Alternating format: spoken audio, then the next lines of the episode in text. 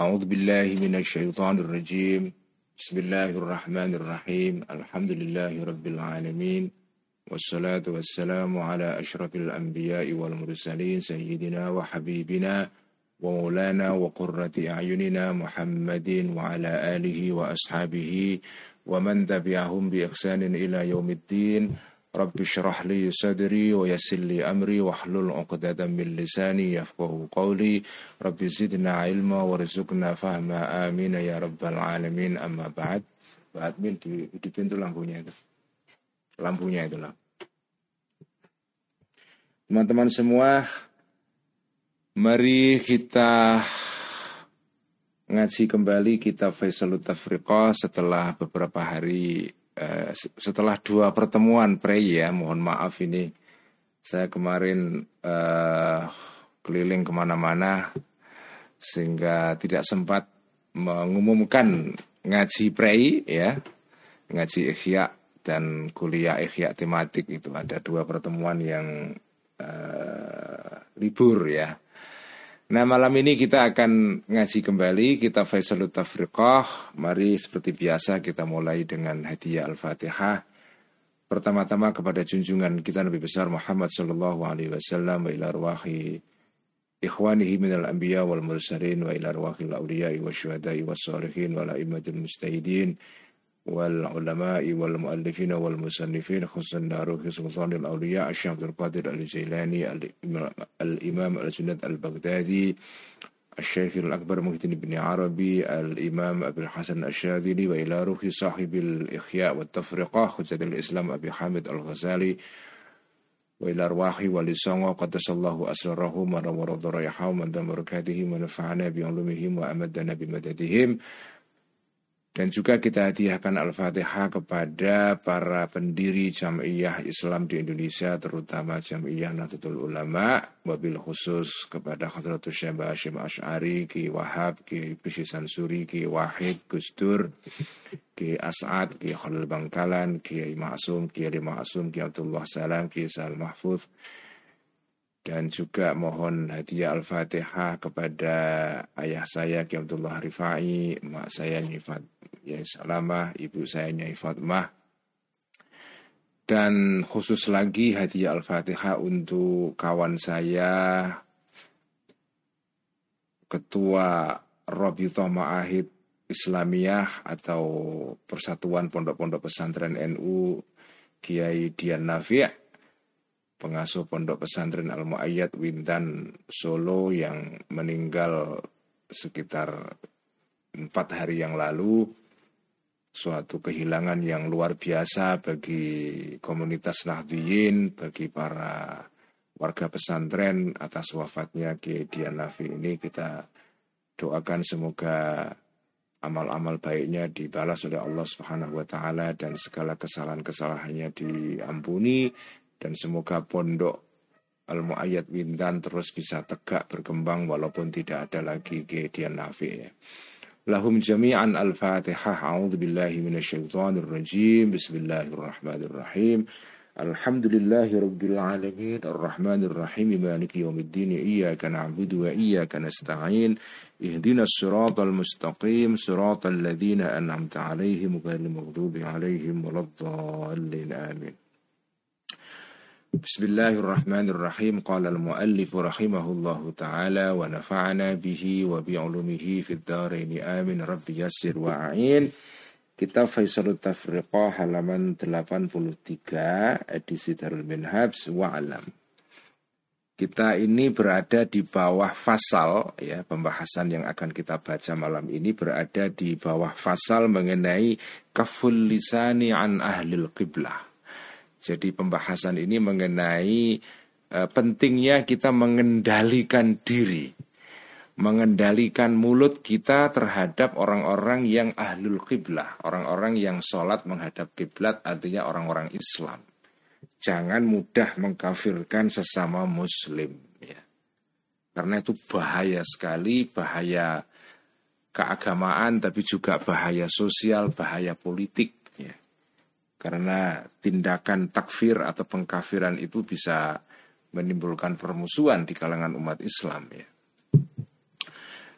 tentu saja mentakfir itu tidak bisa dihindarkan kalau karena ya ada memang orang-orang yang memang ya harus dikafirkan.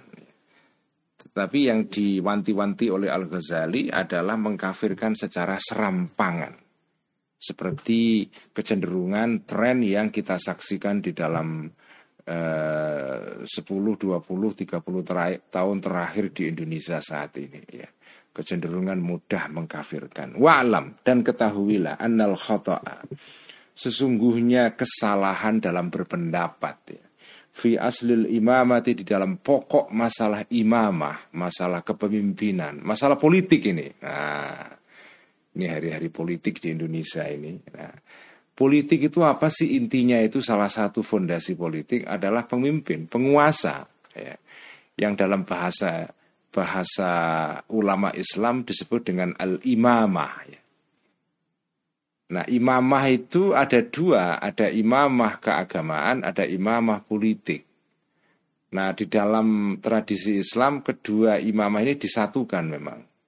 Imamah politik itu juga sekaligus imamah dalam bidang keagamaan. Karena itu penguasa dalam Islam itu ya sekaligus imam di dalam negara, itu menjadi imam di dalam sholat. Ya.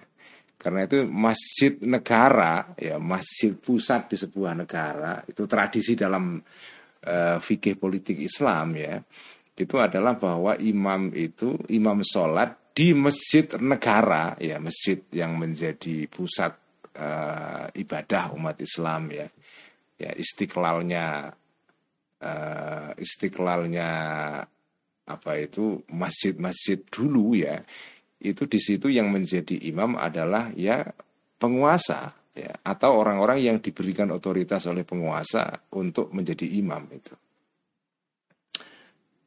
Nah, penyatuan antara imamah politik dengan imamah dalam sholat ini di Indonesia sudah sudah pudar, nggak terlalu kuat. Kalau di Saudi masih ada itu. Di Turki ya masih ada di sebagian negara-negara Muslim ya. Jadi dulu itu imamah fisiasah itu juga sekaligus imamah fis ya. Nah, kalau ada orang keliru berpendapat dalam masalah imamah politik ya. Wa dan kesalahan di dalam e, menentukan imamah. Siapa yang berhak menjadi penguasa itu, imam itu. Wa syurutiha dan di dalam syarat-syaratnya imamah. Bagaimana syarat menjadi imam itu. Apakah harus laki-laki, apakah boleh perempuan, apakah harus orang kures atau tidak orang kures ya. Apakah boleh orang yang tidak adil itu bisa menjadi imam ya. Nah itu syarat-syarat seperti yang kita baca dalam fikih siasah itu ya, dalam fikih-fikih siasah. Wama dan hal-hal ya ta'allaku yang berhubungan ma ini biha dengan aslul imamah. Kalau ada orang ber, berpendapat salah, tentu saja salah menurut kita, menurut menurut seseorang ya berpendapat salah di dalam masalah imamah. Itulah yujibu, tidak mewajibkan, tidak meng, tidak mengharuskan al khata ini atau la yujibu tidak mengharuskan menetapkan syai'un sedikit pun minhu dari Allah dari aslul imamah dan seterusnya takfiran untuk uh, mengkafirkan orang itu. Jadi kalau ada orang berpendapat misalnya seperti orang Syiah ya, bahwa imamah itu hanya apa ya menjadi monopoli keluarga kanjeng Nabi ahlul bait misalnya, ya nggak boleh kita kafirkan. Ya. Karena al khata fi aslil imamah itu tidak membuat seseorang itu bisa disebut kafir. Atau ada sebagian kelompok dalam Islam ada yang berpendapat ini semacam kelompok anarkis dalam sejarah Islam ya. Seperti pendapatnya Al Asom seorang tokoh Mu'tazilah awal. Dia berpendapat bahwa imam itu tidak harus ada. Ya. Artinya apa masyarakat itu tidak butuh pemimpin kalau dia bisa mengatur dirinya sendiri secara alamiah ya itu tidak perlu presiden tidak perlu penguasa itu negara itu tidak merupakan keharusan. Itu pendapat salah satu kelompok dalam Mu'tazilah. Ini mengingatkan kita kepada pendapatnya orang-orang anarkis dalam sejarah sejarah pemikiran Eropa ya. Kelompok anarko gitu ya. kelompok anarko itu. Nah kalau ada orang berpendapat bahwa imamah tidak wajib, itu ya tidak boleh dikafirkan. Ya.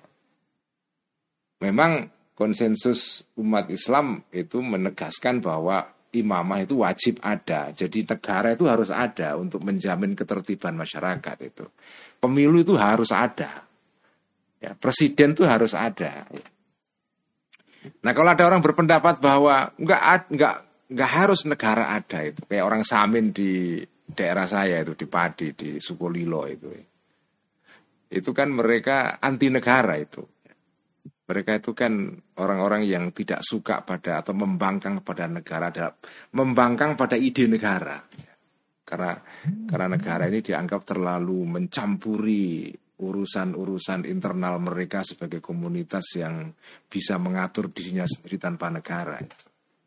Nah itu nggak boleh sampai mengkafirkan orang-orang seperti itu. Ya.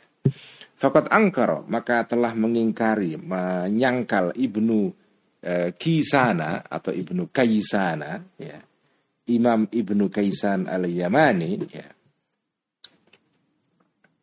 Ini bukan Ibnu Kaisan al-Asom tokoh Mu'tazilah yang terkenal dengan pendapatnya dia bahwa al-imamah itu tidak wajib. Ini Ibnu Kisan yang lain.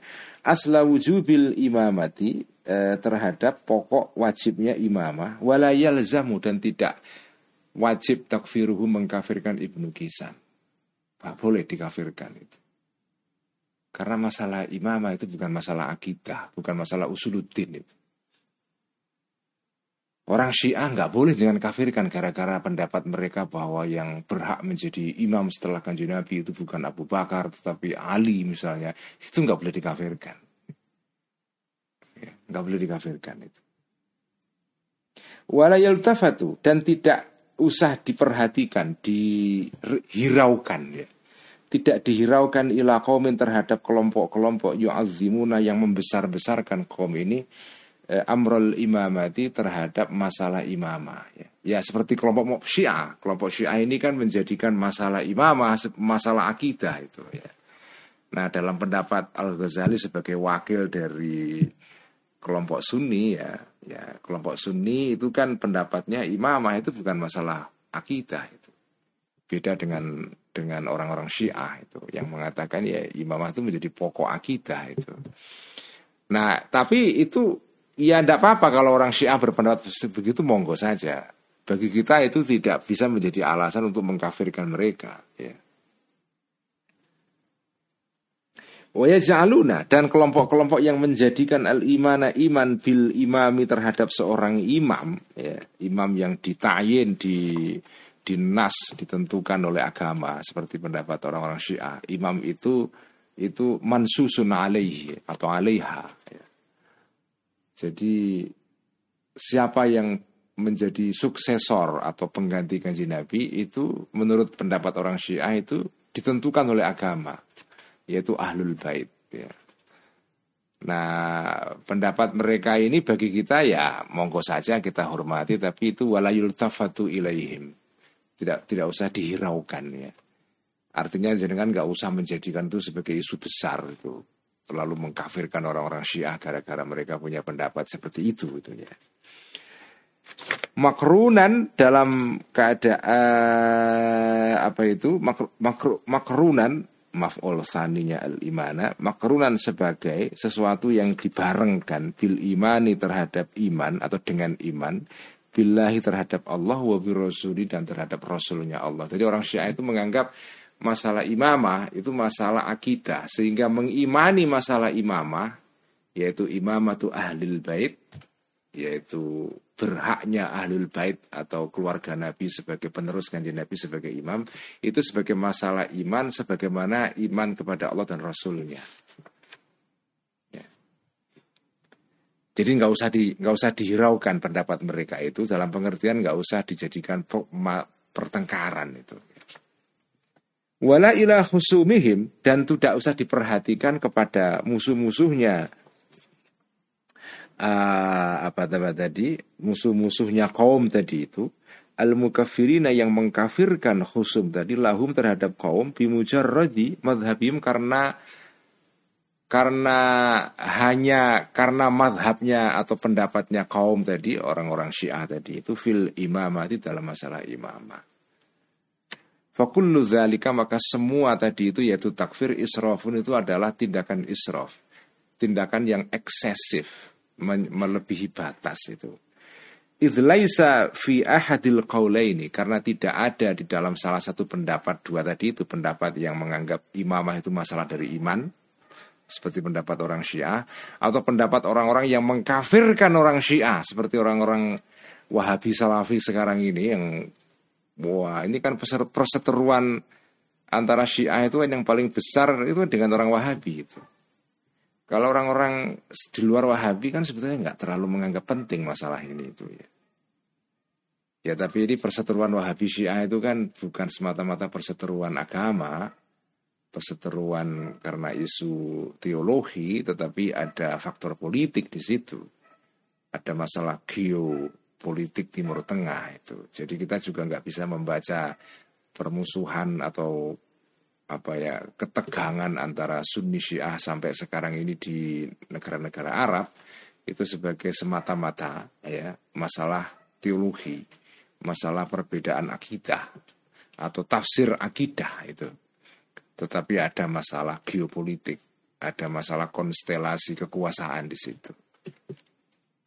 Jadi pendapat Al-Ghazali baik orang yang mengatakan masalah kepemimpinan itu bagian dari iman seperti posisinya orang Syiah atau yang mengkafirkan orang Syiah seperti orang-orang Salafi Wahabi sekarang ini dulu juga sudah ada orang-orang seperti itu itu pendapat mereka la yultafatu ilaihim. Tidak usah terlalu banyak dihiraukan. Jadi posisi Al-Ghazali ini sebetulnya inilah posisi orang Sunni yang mayoritas dari dulu sampai sekarang. Jadi jadi kelompok Sunni yang mayoritas ya itu posisinya itu cenderung untuk tidak suka mencari masalah itu ya. Tidak mencari keributan itu. Ya sudah lah dengan mau berpendapat yang berhak menjadi imam itu ahlul bait monggo tapi saya tidak setuju ya. jadi posisi atau atau mindset ya cara berpikir. Zihniyah dalam bahasa Arab itu mindset itu bahasa Arabnya adalah zihniyah ya. mindset. Mindsetnya orang Sunni dari dulu. Sunni yang mayoritas ya karena Wahabi itu juga Sunni juga ya. Mu'tazilah Sunni juga. Khawaris Sunni juga. Nggak bisa kita menafikan Sunni itu hanya Sunni kita saja. Sunni itu ya mencakup Wahabi Mu'tazilah ya apa namanya? Ya meskipun Sunni ya beda ya nggak apa-apa ya. Nah itu kelompok Sunni yang seperti NU ini ya dan kelompok Sunni seperti NU ini kan ada di mana-mana. Yang cirinya apa? Sunni ala NU itu cirinya adalah ada beberapa. Pertama mengikuti mengikuti sistem bermadhab dalam beragama ya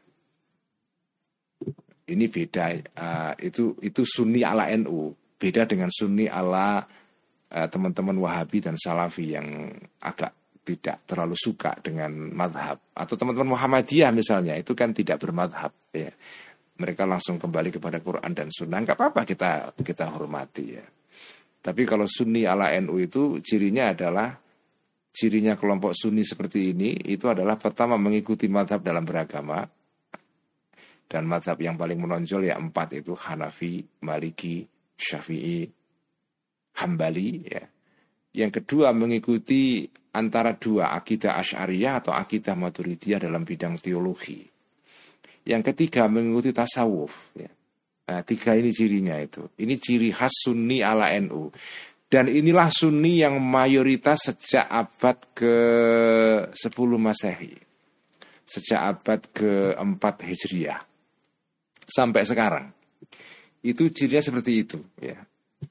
Mengikuti madhab dalam masalah masalah keagamaan ibadah, mengikuti akidah asyariyah maturidiyah dalam bidang teologi, mengikuti tasawuf dalam ilmu kerohanian, ilmu akhlak gitu. Tiga fondasi ini ini menjadi ciri khas kelompok Sunni ala NU di mana-mana. Ini ada di Indonesia, ada di Malaysia, di Brunei, di Thailand, di Filipina, India, Pakistan, Asia Tengah, Iran, Turki, Saudi Arabia, Afrika Utara, masih di mana-mana. Semuanya mengikuti ini yang dominan itu. Nah posisi orang Sunni itu dari dulu seperti ini. Seperti disuarakan, seperti diutarakan oleh Al-Ghazali melalui kitab Faisalut Tafriqah. Ini ciri khas kita. Gak mau mencari keributan. Itu. Makanya orang-orang Sunni itu memang gak, gak seneng itu ribat-ribut itu. Ya. Ribat-ribut masalah imamah, ribut dengan... Ya kita beda dengan orang-orang Syiah. Ya, ya masalah, beda kan biasa saja kita hormati itu. Enggak mencari permusuhan itu. Kalau ada yang berpendapat imamah itu bagian dari agama, monggo saja. Tapi kita tidak berpendapat seperti itu dan kita enggak mengkafirkan mereka itu. Nah kalau ada orang sunni kok mudah mengkafir-kafirkan, ini sunni yang agak janggal itu. Itu bukan sunni yang mayoritas. Sunni yang mayoritas itu seperti digambarkan dalam kitab Faisalut Tafriqah ini. Yaitu apa? Tidak cirinya adalah kaful lisani an ahlil qiblah. Kaful lisani an ahlil qiblah.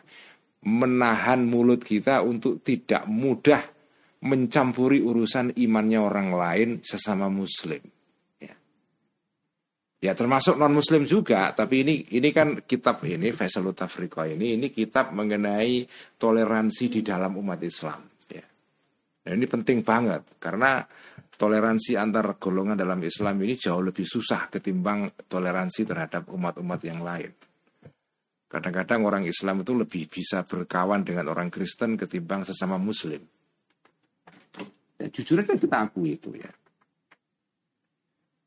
dan permusuhan di antara golongan-golongan dalam Islam itu jauh lebih keras ketimbang permusuhan dengan orang Kristen itu. Itu harus kita akui dari dulu ya begitu itu. Nah, semangat kita Faisalut Tafriqo adalah mengajak perdamaian. Ini kayak apa ya?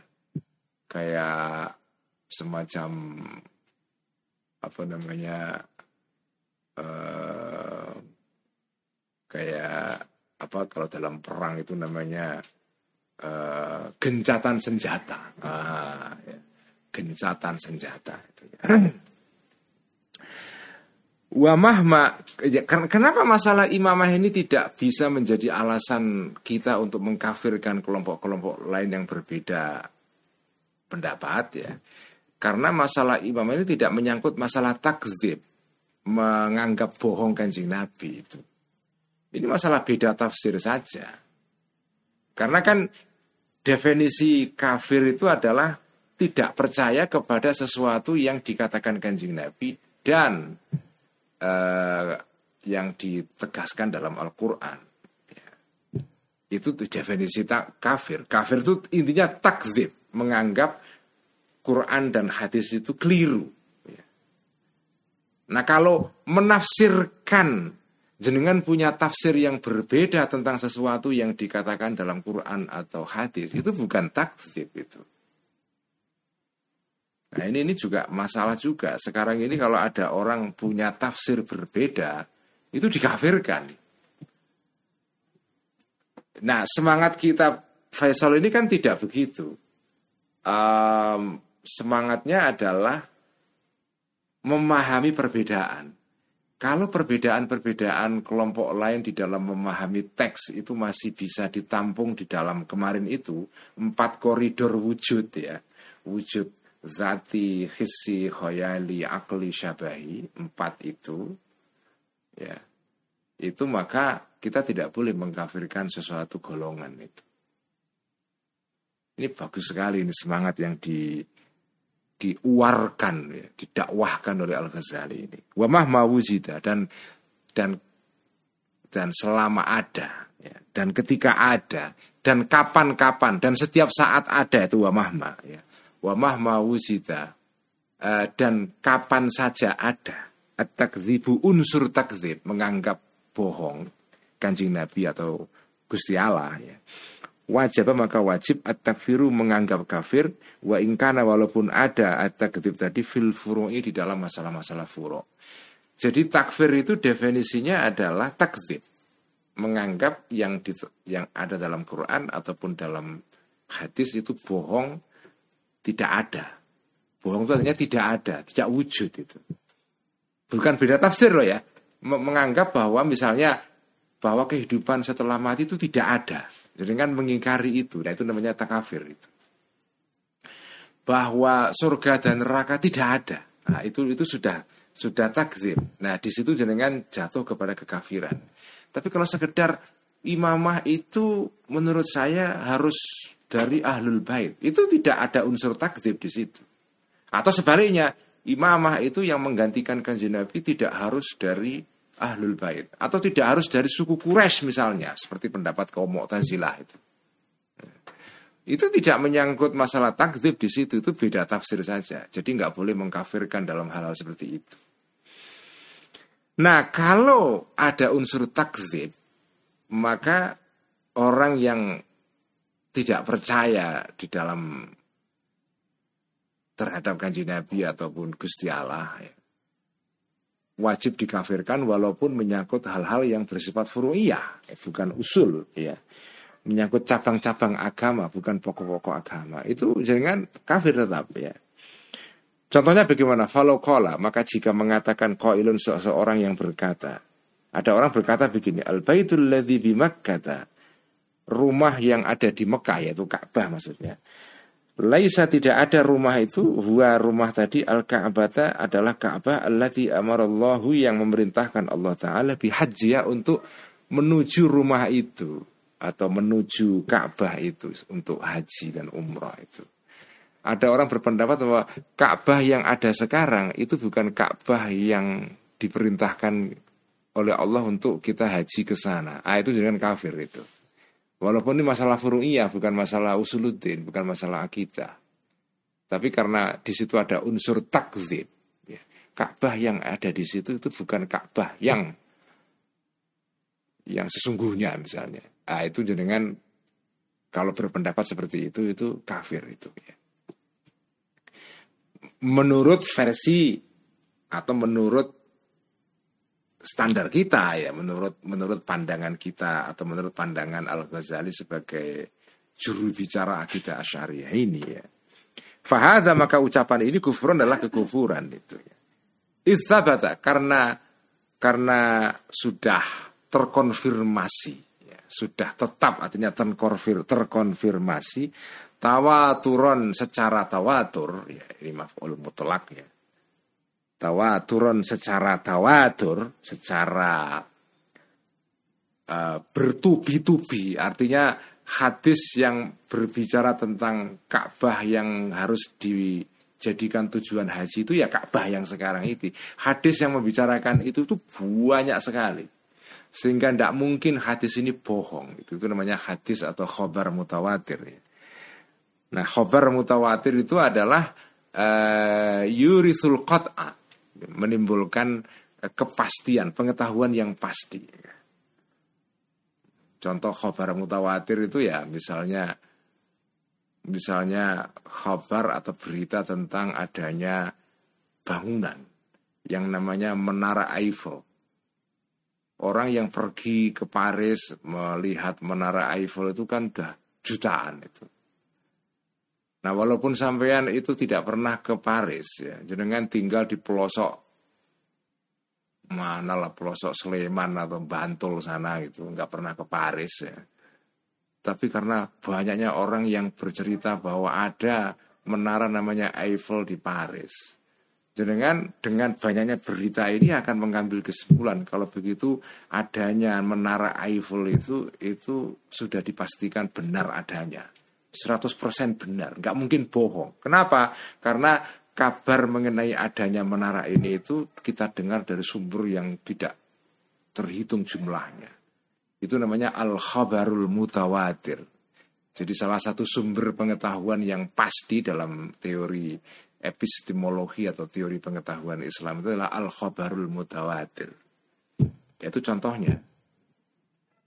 Nah, kabar bahwa Ka'bah yang harus menjadi tujuan haji itu ya Ka'bah sekarang ini itu banyak sekali dari kanji Nabi itu sehingga sampai kepada derajat tawatur ya. Karena terkonfirmasi tawaturan secara tawatur, secara bertubi-tubi an Rasulullah dari Rasulullah Shallallahu Alaihi Wasallam, khilafuhu sebaliknya dari perkataan koil ini. Makanya kalau jenengan tidak percaya Ka'bah yang sekarang ini ya Ka'bah yang dimaksud dalam Al-Quran itu, dengan kafir itu. Ya. Walaupun ini masalah masalah furu'iyah bukan masalah akidah ya. Tapi karena ada unsur takzib di situ, maka orang yang berpendapat seperti tadi itu itu terjatuh kepada kekafiran. Walau angkar dan jika mengingkari seseorang syahadat rasuli kesaksian Rasul kanjeng Nabi Shallallahu Alaihi Wasallam lidzalikal baiti terhadap rumah tadi itu yaitu Ka'bah Annahu kesaksian bahwa sesungguhnya al bait rumah yang ada di Mekah itu adalah al Ka'bah itu Ka'bah. Ya. Ya. Kalau ada orang berpendapat lain, lam yanfa tidak berguna hu kepada orang ini ingkaruhu ingkarnya, penyangkalannya orang itu nggak nggak dianggap lah. Ya. Bal alamu bahkan bisa diketahui kotan secara pasti annau sesungguhnya orang yang ingkar ini mu'anidun bersikap kepoh ya Kepoh itu ya apa namanya ngotot ya. Dalam bahasa pesantrennya orang sing angas ya. Angas itu kepoh. Apa? Ada kebenaran dia tolak walaupun kebenaran ini didasari oleh hujah yang kuat sekali tapi dia tetap menolak itu. Itu namanya orang yang mu'anid, ya. orang angas. Fi ingkari di dalam ingkarnya orang ini. Illa an yakuna kecuali ada orang ini qariba ahdin dekat masanya bil islami terhadap Islam baru masuk Islam dan tidak mengerti duduk persoalan lalu dia mengingkari Ka'bah yang sekarang ini adalah Ka'bah yang dimaksud dalam Al-Quran itu ya, ya nggak apa-apa nggak perlu dikafirkan karena baru masuk Islam ya ditoleransi lah ya. Walam yatawatar dan tidak tidak bernilai mutawatir ya.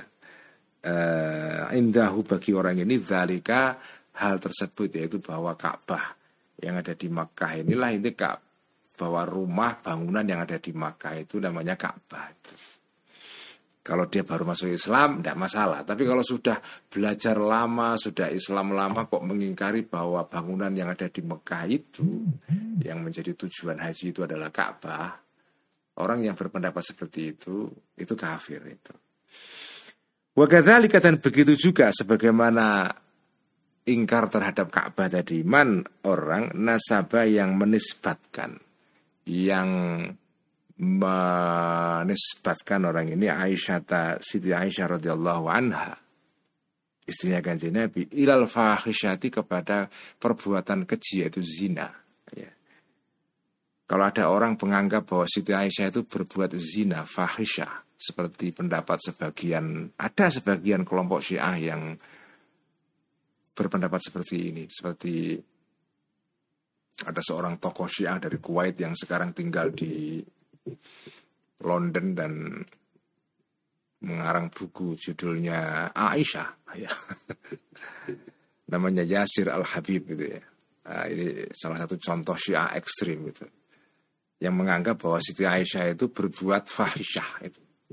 Kalau ada orang berpendapat seperti itu, waqad nazala sementara dalam keadaan ini jumlah haliyah waqad nazala dan telah turun Al-Qur'an wahyu Quran bibaraatiha tentang bebasnya Siti Aisyah dari tuduhan berzina ini karena Siti Aisyah itu pernah dirumorkan dulu berbuat fahisyah, berbuat tidak senonoh ya.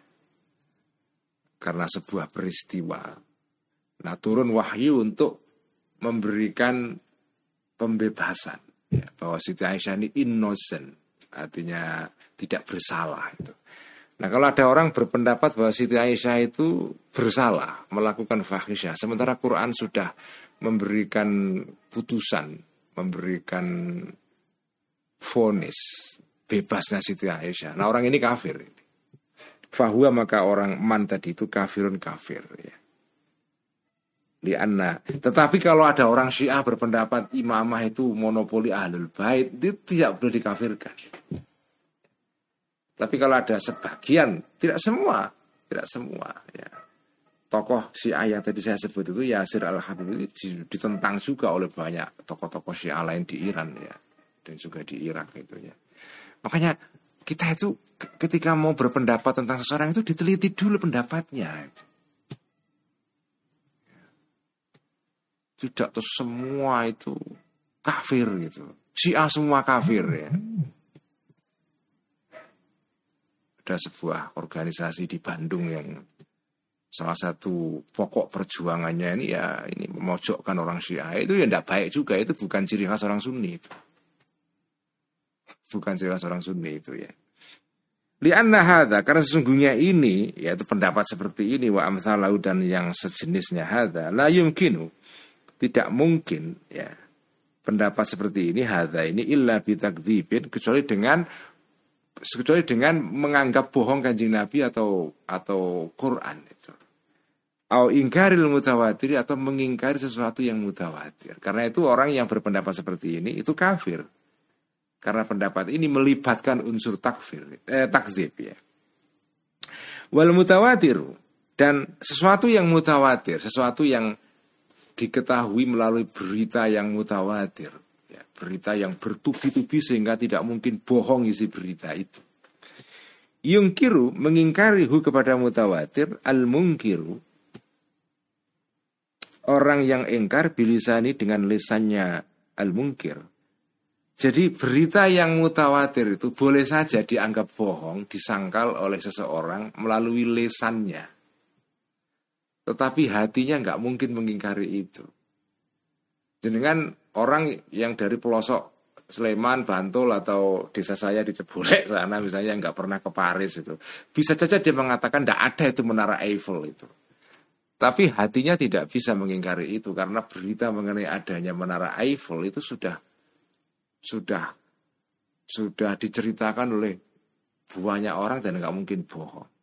Jadi lisannya seseorang bisa menganggap menyangkal sesuatu wala yumkin dan tidak mungkin hu kepada al mungkir an yajhala untuk tidak mengetahui al mungkir tadi itu hu kepada al mutawatir bi dengan hatinya al mungkir Gak mungkin hatinya mengingkari. Naam, iya, ya. Iya betul bahwa mengingkari sesuatu yang bukan bagian dari masalah akidah atau furu'iyah ini dianggap kafir ya. Ya betul memang harus dikafirkan karena ada unsur takdib di situ, tetapi ya na'am ini namanya sifat sifat istidrokiyah ya. Formula untuk mengkualifikasi. Jadi memberikan apa ya uh, taksis spesifikasi terhadap pernyataan sebelumnya. Ya betul begitu, tapi ya tidak begitu seluruhnya, kira-kira gitu loh ya. Itu namanya spesifikasi atau kualifikasi. Nah, betul lau angkara.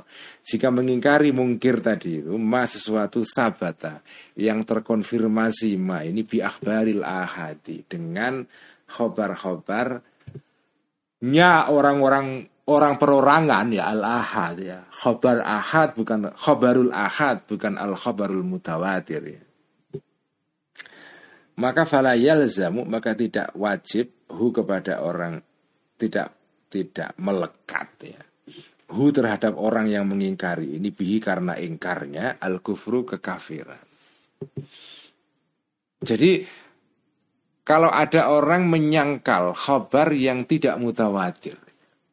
Misalnya ada hadis yang itu tidak mutawatir. Hadis mutawatir itu jumlahnya sedikit sekali hadis yang tidak mungkin bohong karena yang meriwayatkan tuh banyak banget.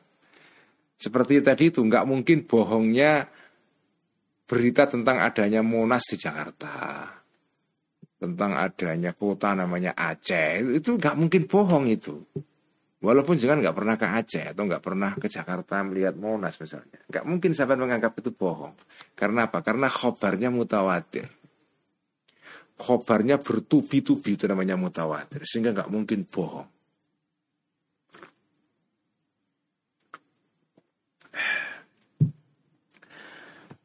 Nah, kalau sebaliknya kalau orang menyangkal berita yang tidak mutawatir yaitu khobarul ahad. Jadi berita itu dua dalam teori epistemologi Islam itu ya atau epistemologi ala ulama Islam salah satu sumber pengetahuan itu adalah berita. Sumber pengetahuan itu kan banyak, ada wahyu, ada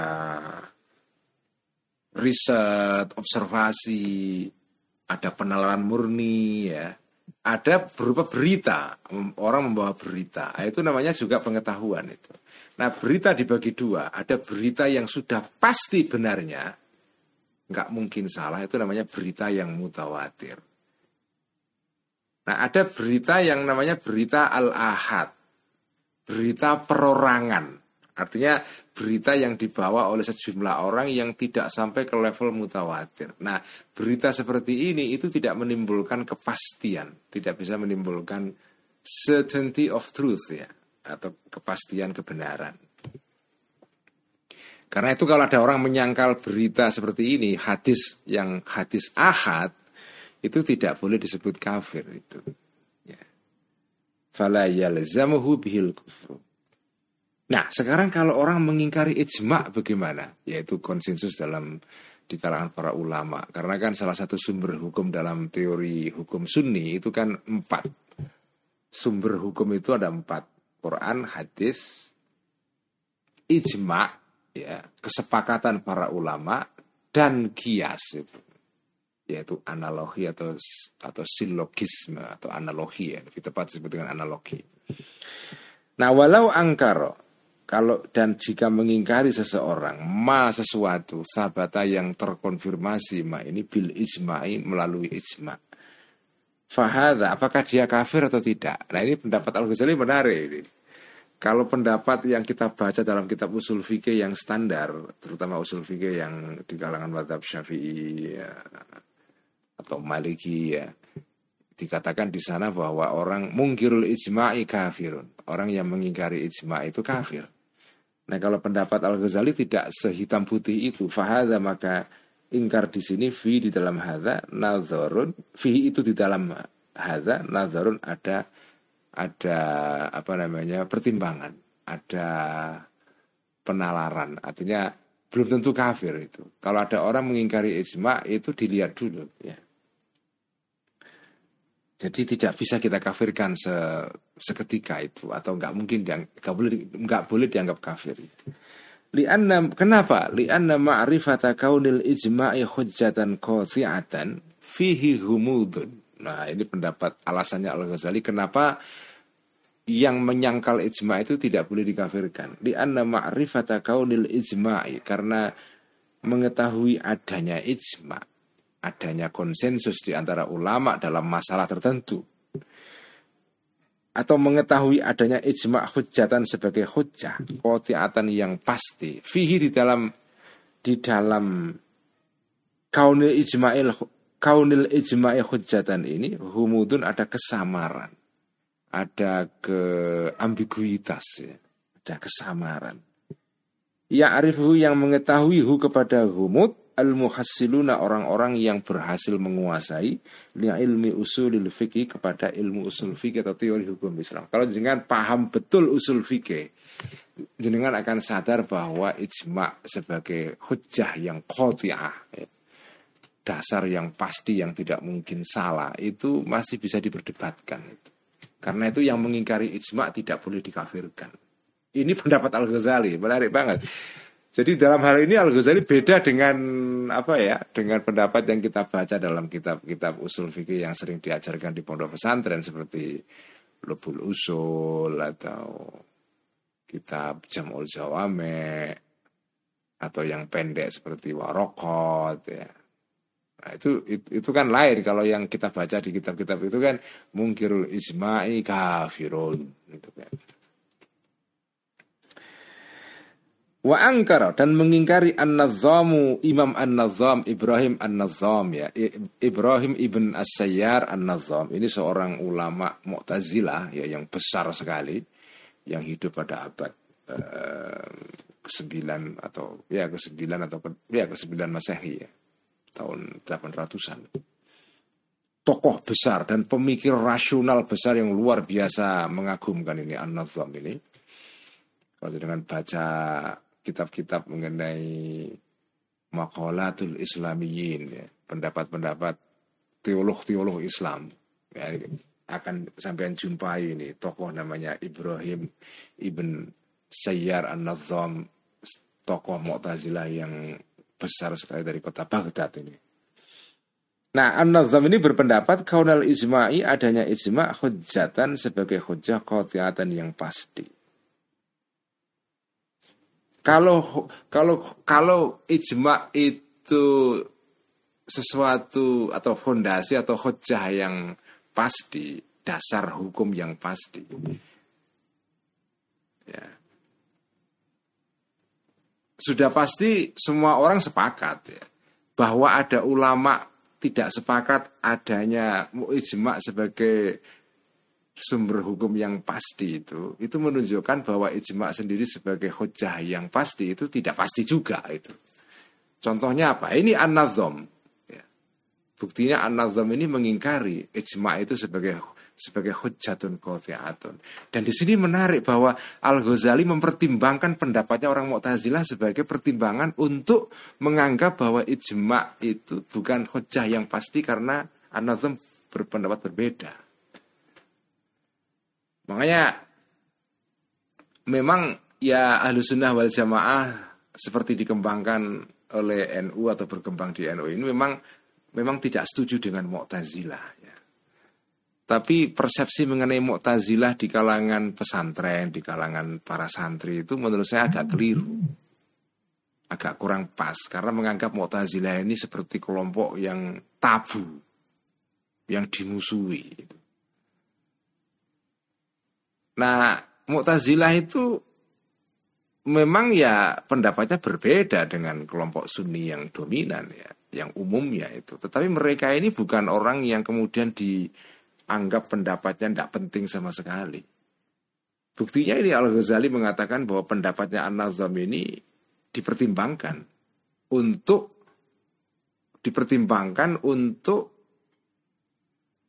apa? Untuk uh, menganggap bahwa ijma itu bukan hujah yang kotiah karena ada yang nggak setuju bahwa ijma itu hujah kotiah. Yaitu contohnya adalah An-Nazam ini itu ya. Dan dan Mu'tazilah itu tidak tidak kelompok yang kafir. Mereka bagian dari Islam itu. Cuma pendapatnya itu bid'ah itu ya. Nah, kalau ada kelompok dalam Islam itu punya pendapat yang bid'ah itu tidak menjadikan mereka sebagai kafir. Mereka masih bagian dari umat Islam gitu loh. Ini ini ini pengertian yang harus dipahami oleh oleh oleh kita ya, oleh umat Islam itu.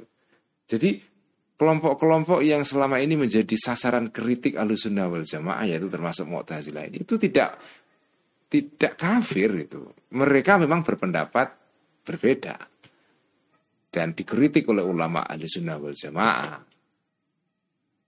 menjadi nemesis, menjadi lawan dari kelompok Sunni seperti NU ini. Tetapi itu tidak membuat mereka jadi kafir ya. Ya paling jauh mereka bid'ah saja. Dan orang yang punya pendapat yang bid'ah itu tidak kafir.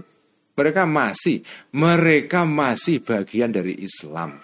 Mu'tazilah itu bagian dari umat Islam. Syiah bagian dari Islam juga.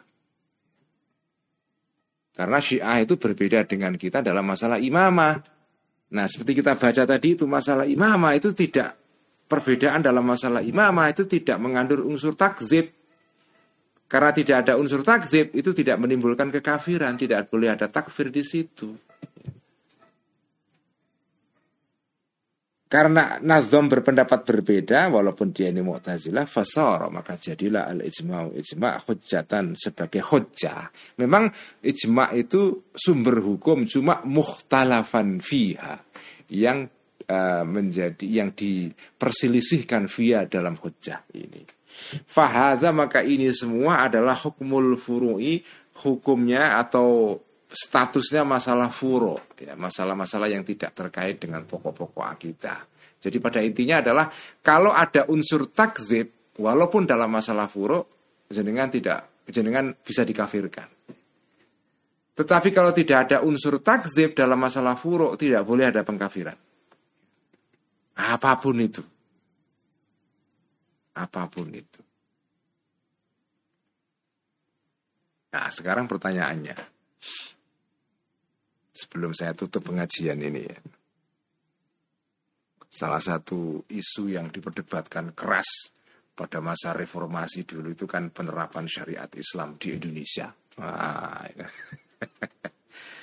saya termasuk dulu orang yang mengkritik kelompok-kelompok yang memperjuangkan penerapan syariat Islam di Indonesia dalam pengertian formalisasi penerapan sebagai uh, undang-undang uh, negara yang berlaku untuk semua orang di Indonesia ini. Atau sebagai sesuatu yang dianggap hukum negara ya. Yaitu istilahnya formalisasi hukum Islam. Lalu ada perda-perda syariah segala macam. Apakah orang yang menentang formalisasi syariat itu kafir? Karena sebagian kelompok Islam yang memperjuangkan formalisasi syariat itu menganggap kelompok-kelompok yang tidak setuju itu kafir juga. Ada, ya tidak semua ya ada itu. Nah kalau kita memakai standar Al-Ghazali ini tidak bisa. Karena itu masalah furo. Ya. Apakah di Indonesia wajib diterapkan hukum Islam sebagai undang-undang negara? Ada yang berpendapat wajib, ada yang tidak perbedaan ini tidak membuat seseorang menjadi kafir. Kenapa? Masalah furuk ini. Dan di dalam dan di dalamnya tidak ada masalah takzib. Tidak ada masalah takzib gitu ya. Sama dengan tidak ada takzib dalam masalah imamah itu. Ya. Makanya NU dan Muhammadiyah itu kan pendapatnya tidak setuju formalisasi hukum syariat di Indonesia. Termasuk syariat dalam masalah hukum pidana, ya, hudud itu. Itu kan gak setuju itu. Apakah di Indonesia wajib diterapkan hukum potong tangan untuk pencuri itu? Kalau pendapat NU dan Muhammadiyah nggak wajib. Nggak wajib itu. Nggak wajib. Ya. Makanya tokoh-tokoh NU Muhammadiyah nggak ada yang memperjuangkan penerapan hukum potong tangan di Indonesia itu. Tidak hanya di Indonesia, di seluruh negara-negara Islam itu, sebagian besar ulama itu tidak ada yang memperjuangkan penerapan hukum-hukum hudud seperti potong tangan itu di dalam hukum negara. Ya. Jadi di seluruh negara Islam sekarang ini hanya ada satu negara yang masih menerapkan hukum potong tangan. Satu atau dua ya. Yang pertama adalah Saudi Arabia, Ya setahu saya Saudi Arabia saja. Ya. Sudan walaupun menerapkan syariat Islam tidak menerapkan potong tangan. Ya. Mesir yang di sana ada ada Universitas Al Azhar yang isinya ulama besar-besar. Ulamanya nggak ada yang memperjuangkan penerapan hukum potong tangan di Mesir itu. Walaupun syariat Islam diterapkan di Mesir, tapi untuk potong tangan tidak.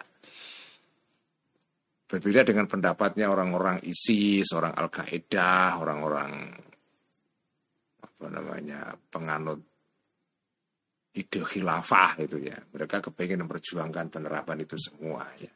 Nah perbedaan dalam masalah ini tidak ada unsur takzib di dalamnya. Jadi kan nggak bisa menganggap orang itu kafir hanya karena perbedaan dalam masalah ini. Itu ya. Ini, ini penting banget prinsip ini ya. Inilah ilmunya para ulama sunni. Pokoknya sejauh masalah furo tidak usah mengkafirkan kecuali ada unsur takzib. Kalau jenengan tidak percaya sholat itu wajib, nah baru jenengan kafir itu. Tapi soal sholat itu bakunut atau tidak, usoli keras-keras atau tidak, baca bismillah atau tidak, ya. Setelah takbiratul ikhram tangannya sedekap atau dilepas. Itu ya perbedaan furo nggak membuat orang jadi kafir itu riba. Apakah bank yang apakah bunga bank yang sekarang diterapkan oleh perbankan modern itu masuk dalam kategori riba dalam Quran atau tidak? Itu ada yang berpendapat masuk, ada yang tidak. Perbedaan pendapat tentang masalah ini tidak menjadikan seseorang kafir. Kalau ada orang menganggap bahwa bunga bank modern bukan riba, tidak kafir dia. Karena orang yang berpendapat bahwa bunga bank modern itu tidak riba, itu tidak mengingkari keharaman riba. Cuma mereka menganggap riba bank bunga bank modern tidak masuk dalam kategori riba seperti dikatakan dalam Al-Qur'an, tapi ribanya sendiri haram. Itu. Nah ini ini hati-hati ya masalah furu ini masalah yang sebaiknya orang Islam saling mentoleransi saja. Kalau jenengan menganggap bunga bank haram monggo, ya.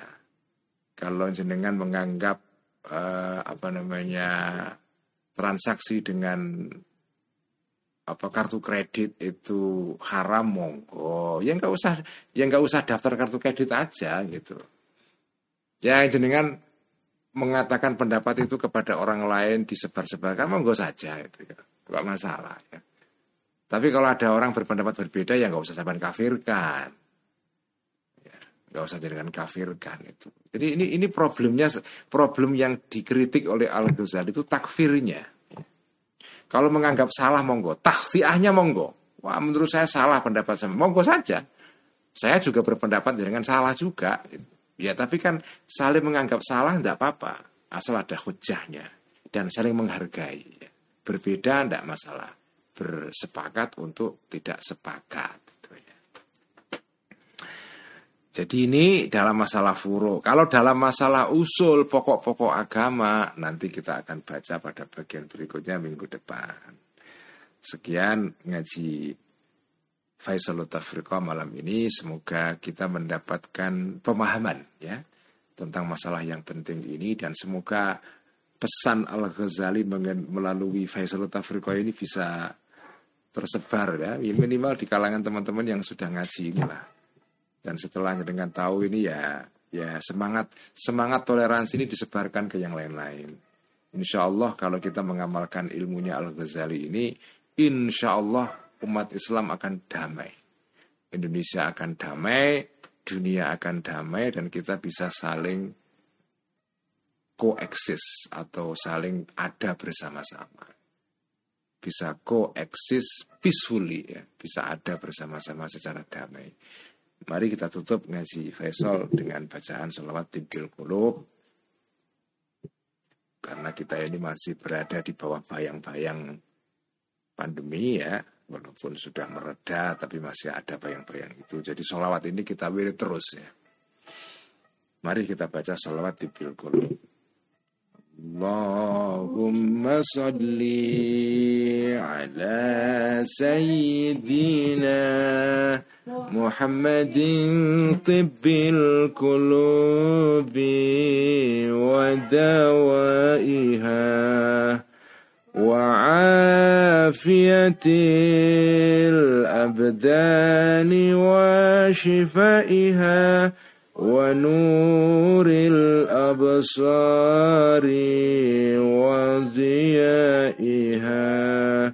وعلى آله وصحبه وسلم.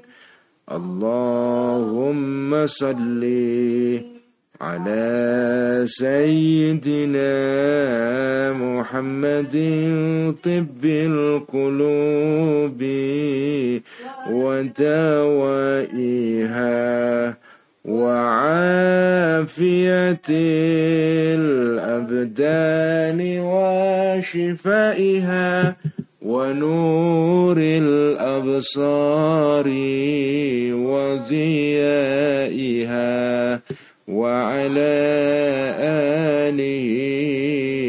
وصحبه وسلم.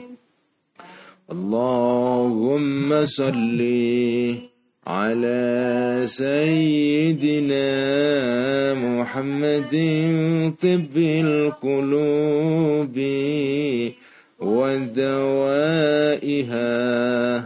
وعافية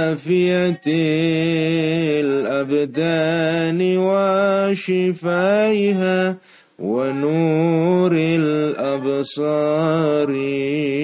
وضيائها وعلى آله وصحبه وسلم